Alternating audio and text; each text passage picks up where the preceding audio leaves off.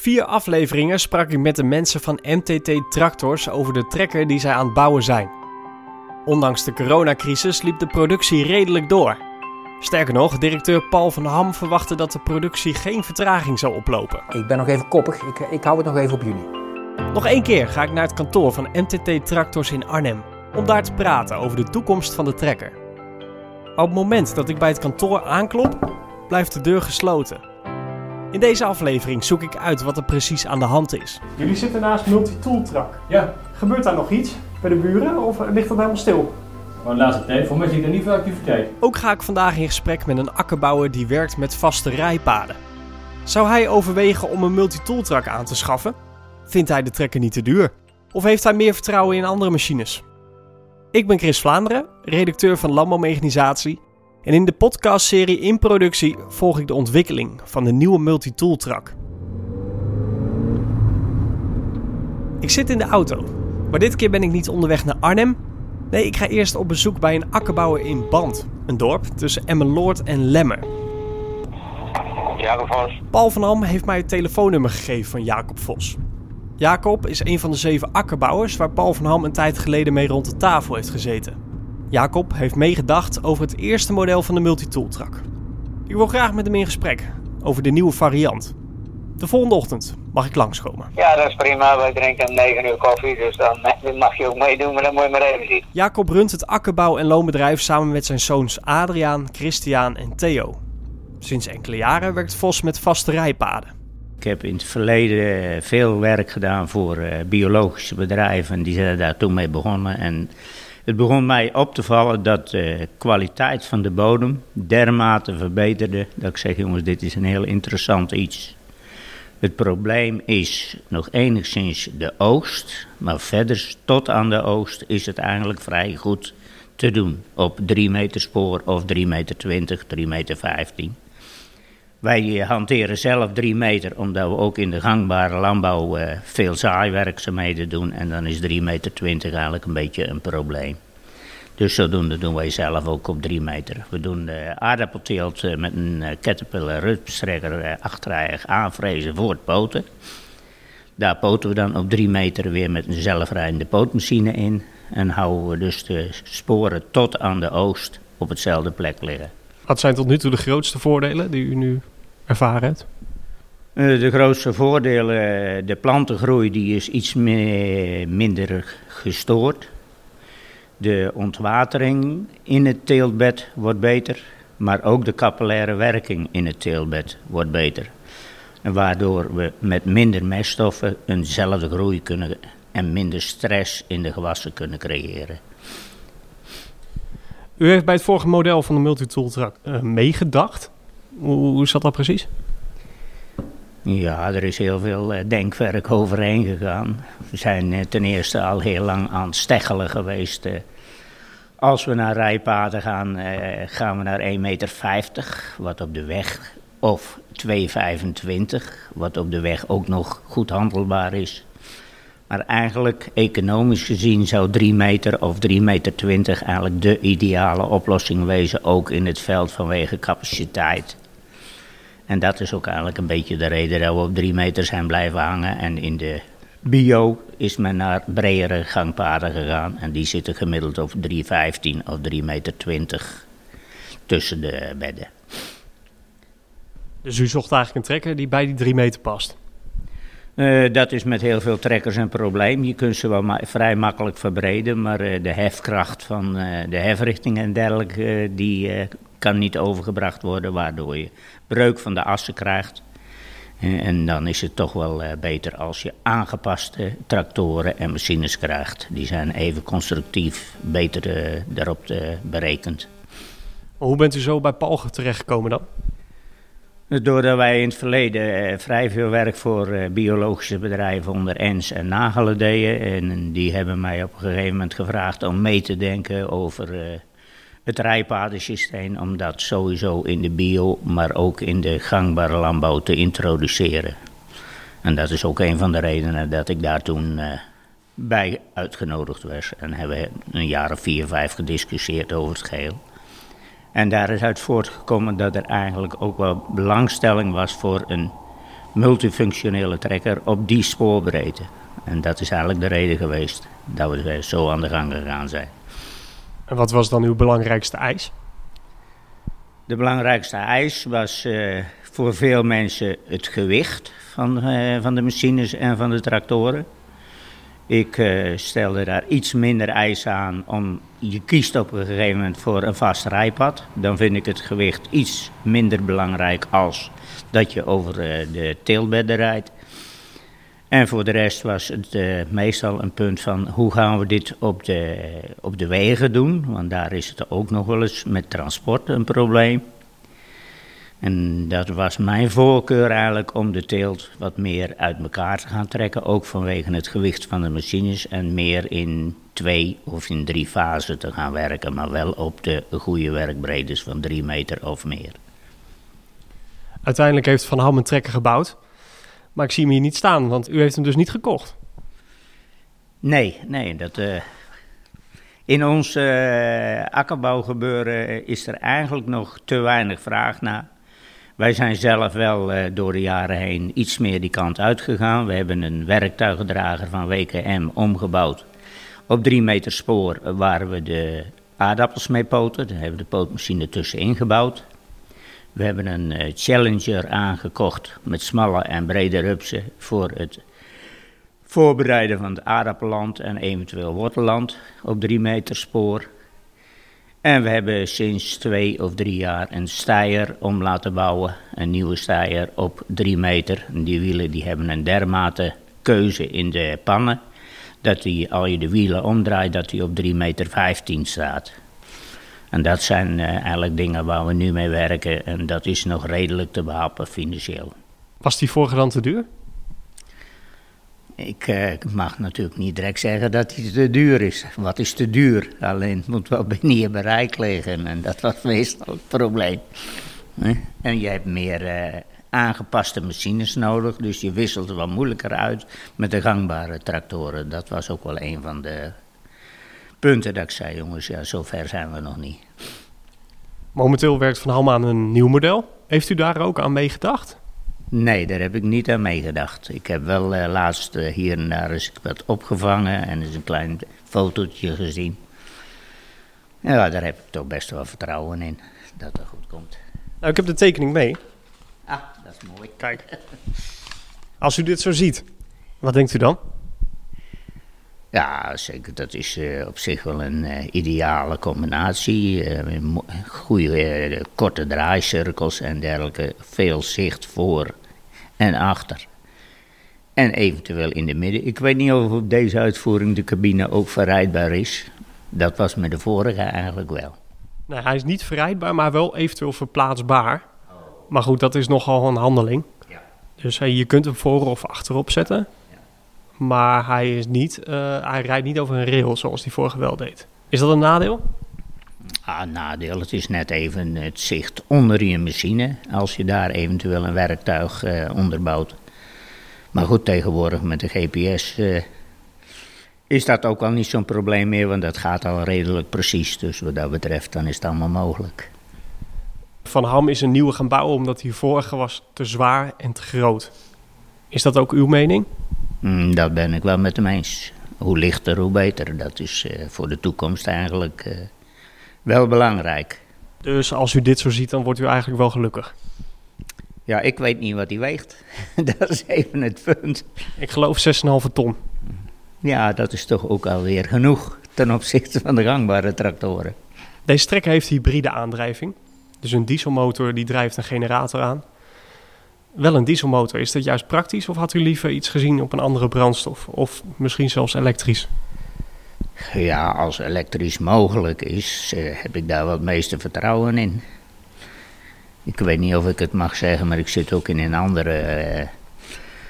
Uh, de akker, akker, van de toekomst, daar doe ik ook een klein beetje in mee. En daar zijn we nu bezig met koolzaadolie op de robot of elektrisch. Maar we hebben in eerste instantie gekozen voor koolzaadolie. Waarom? Uh, vanwege de kosten en het milieu. Het milieu wordt natuurlijk ook steeds belangrijker. Maar goed, elektrisch stoot ook niks uit? Elektrisch stoot ook niks uit, maar de accu's die zijn over het algemeen nog eh, vrij zwaar. En eh, dat is meestal, en voor de rest, qua trekkracht is elektrisch natuurlijk verreweg het, het mooiste. Maar goed, dit is hybride, dus dat is half elektrisch. Bent u daar gecharmeerd van? Of? Ah, je blijft met de dieselolie zitten. het probleem van het milieu. Maar op zich eh, kan dat, eh, hoeft het geen probleem te zijn. Absoluut niet. Als u deze tekeningen zo ziet, heeft u dan ergens twijfels bij waarvan u denkt van, nou, ik weet niet of dat gaat werken? Of... Nou, toen, toen de tijd toen we daarmee bezig waren, was ik eh, heel erg enthousiast. Maar nu de robotisering eh, steeds meer om ons heen begint te komen en eh, er steeds meer naar gekeken wordt, dan zeg ik, hé, hey, wordt dat niet de toekomst? De nog lichtere en dan continu werken, 24 uur per dag bij wijze van spreken. Daar zit ik wel meer aan te denken. En is dat met deze trekker ook mogelijk? Dus u ziet de robot wel als bedreiging voor de multitooltruck? Zowel voor eh, eh, de tractor, voor alle werktuigen en alle bewerkingen zie ik eh, daar toekomst in. De resultaten die ik gezien heb is nog niet veel, maar de precisie, ja, ik denk dat, dat dat toch wel goed gaat komen. Deze trekker, die gaat tussen de 250 en 270.000 euro kosten. Heeft u dat ervoor over? Ja, ik vind wel veel geld. Maar ik denk als je het op kan zetten dat, eh, dat hij voldoende uren draait en dat de hele landbouw er wat meer aan toe is, dat daar wel mogelijkheden liggen. Hoe groot is de kans dat als ik hier volgend jaar terugkom dat er eentje staat? Die kans acht ik nog niet zo groot. Die acht ik nog niet zo'n brutale vraag. Maar daar wil ik wel eerlijk op antwoorden. Die kans is nog niet zo groot. Na dit gesprek met Jacob Vos was ik van plan de opnames aan Paul van Ham te laten horen. Vindt hij het verontrustend dat Jacob meer toekomst ziet in robots? En kan Paul de trekker niet beter autonoom maken? Maar een paar dagen voordat ik naar Paul toe ga, word ik gebeld door een collega van de redactie. Op de website van de rechtspraak staat namelijk een opmerkelijk bericht.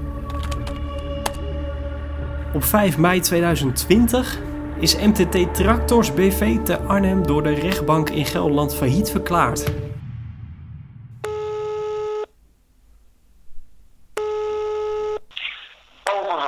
Multi-tooltrack. Please send me an SMS, a text or a WhatsApp.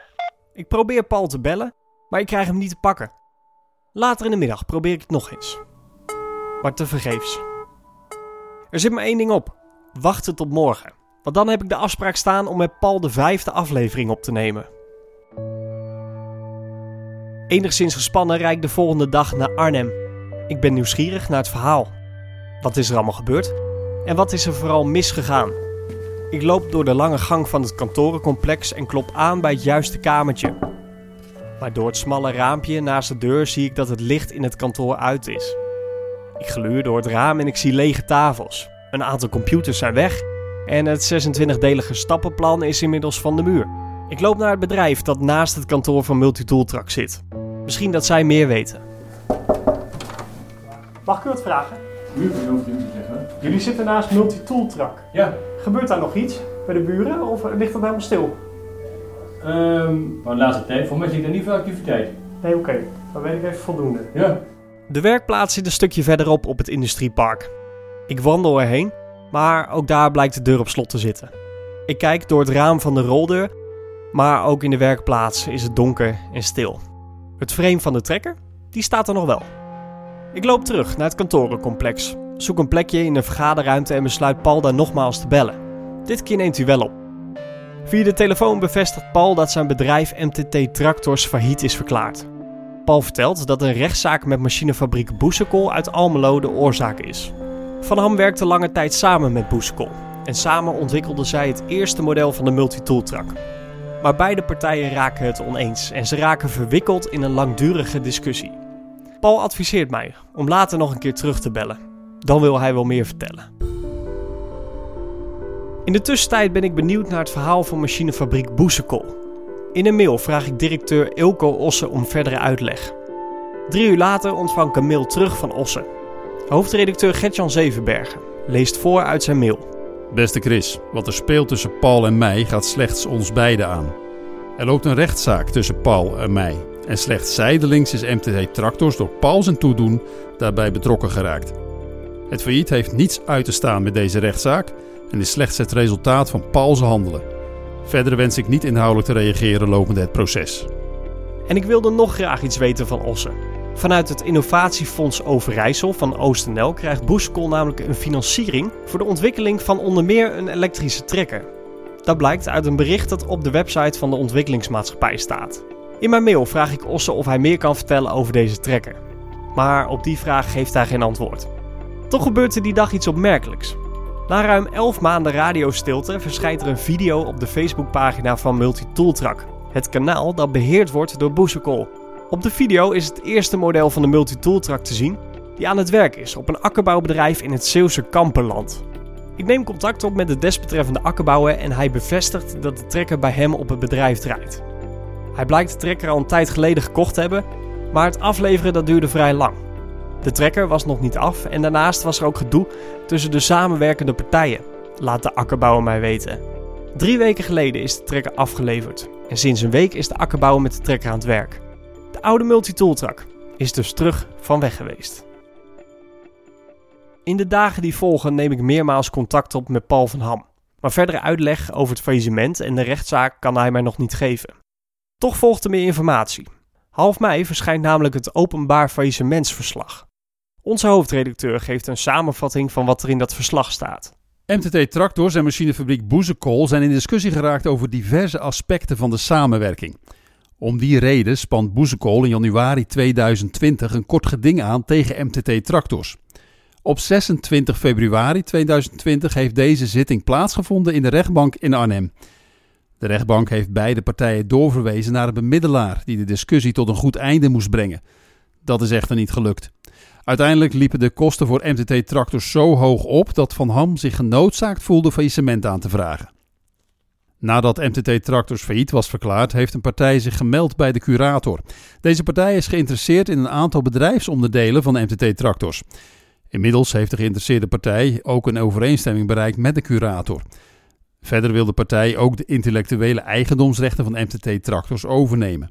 De curator onderzoekt nog over welke eigendomsrechten MTT Tractors beschikt en of deze ook overdraagbaar zijn. Er volgt een doorstart. Maar wie de koper is en of dit bedrijf ook de trekker gaat afmaken, dat wordt uit het verslag niet duidelijk.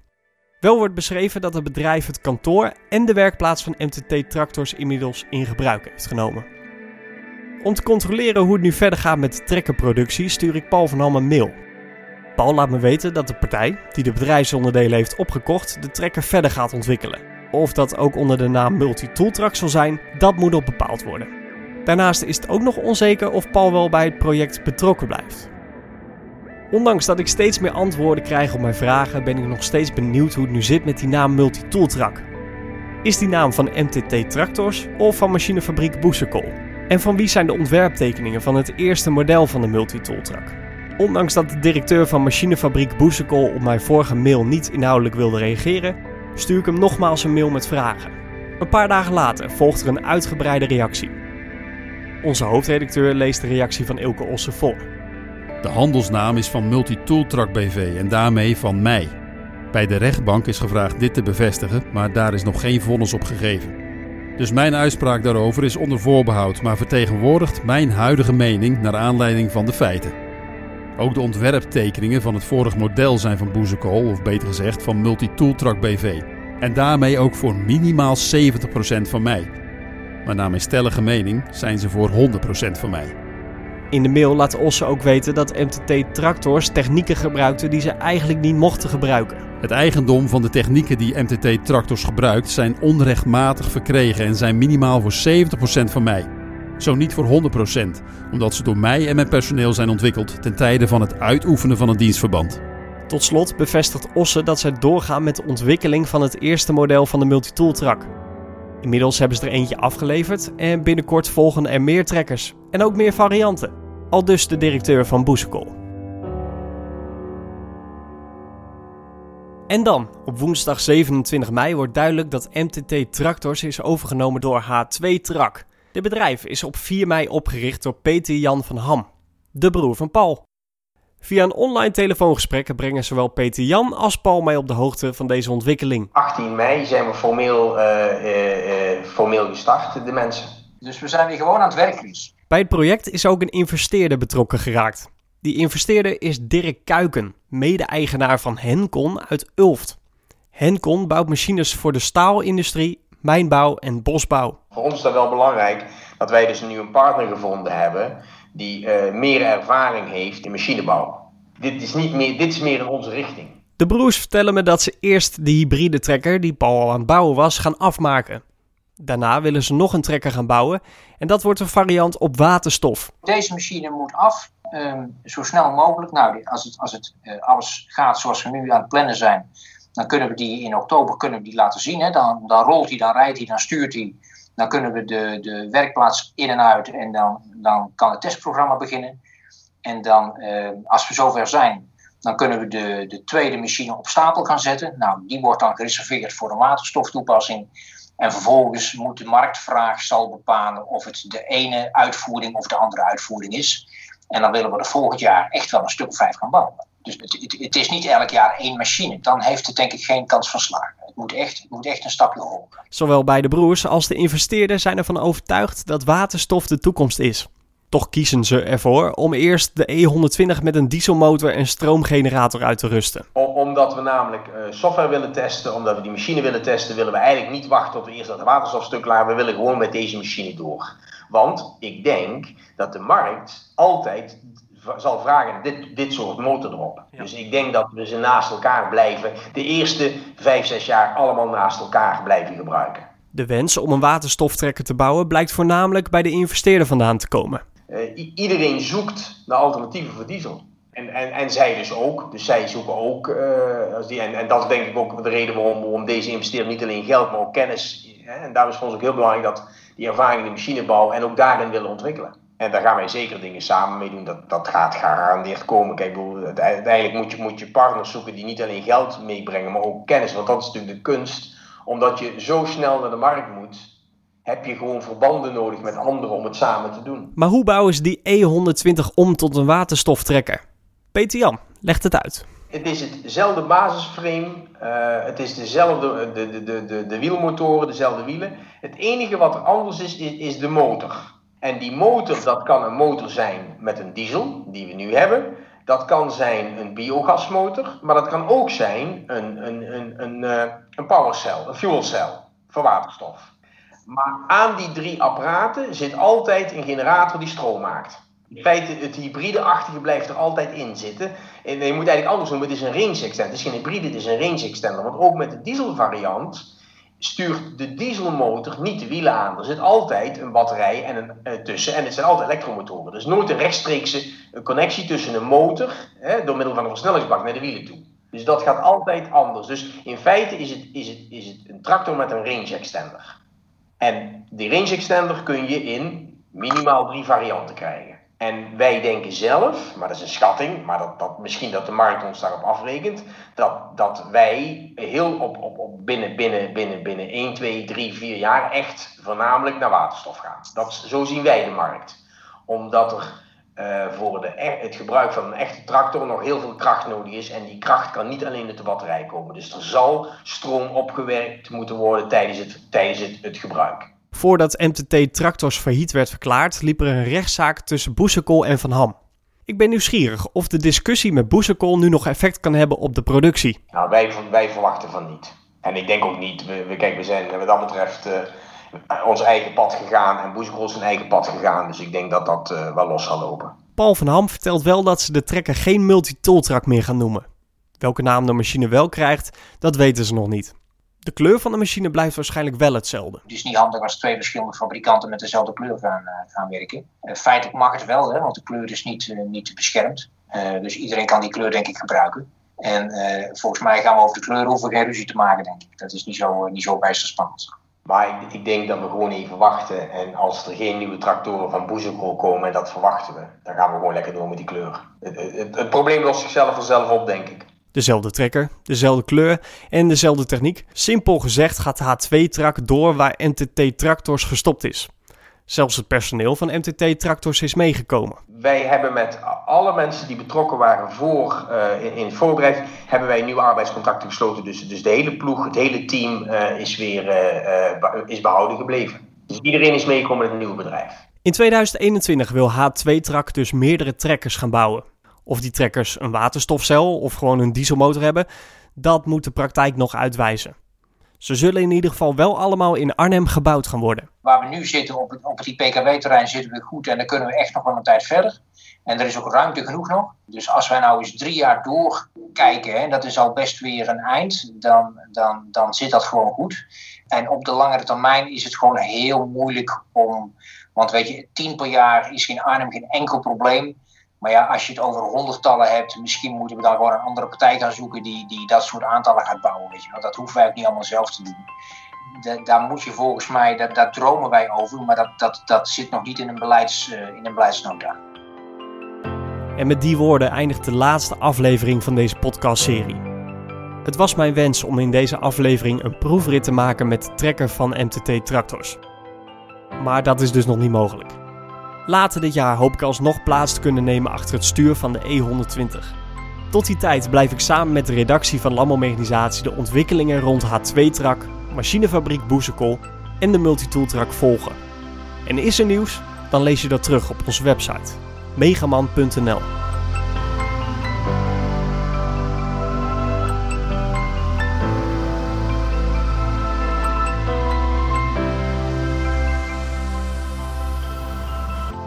luisterde naar een podcast van Landbouwmechanisatie. Beluister ook het Megaman maandoverzicht. Bekijk de video's op ons YouTube kanaal en lees het laatste mechanisatienieuws op de website megaman.nl. En in het vakblad Landbouwmechanisatie.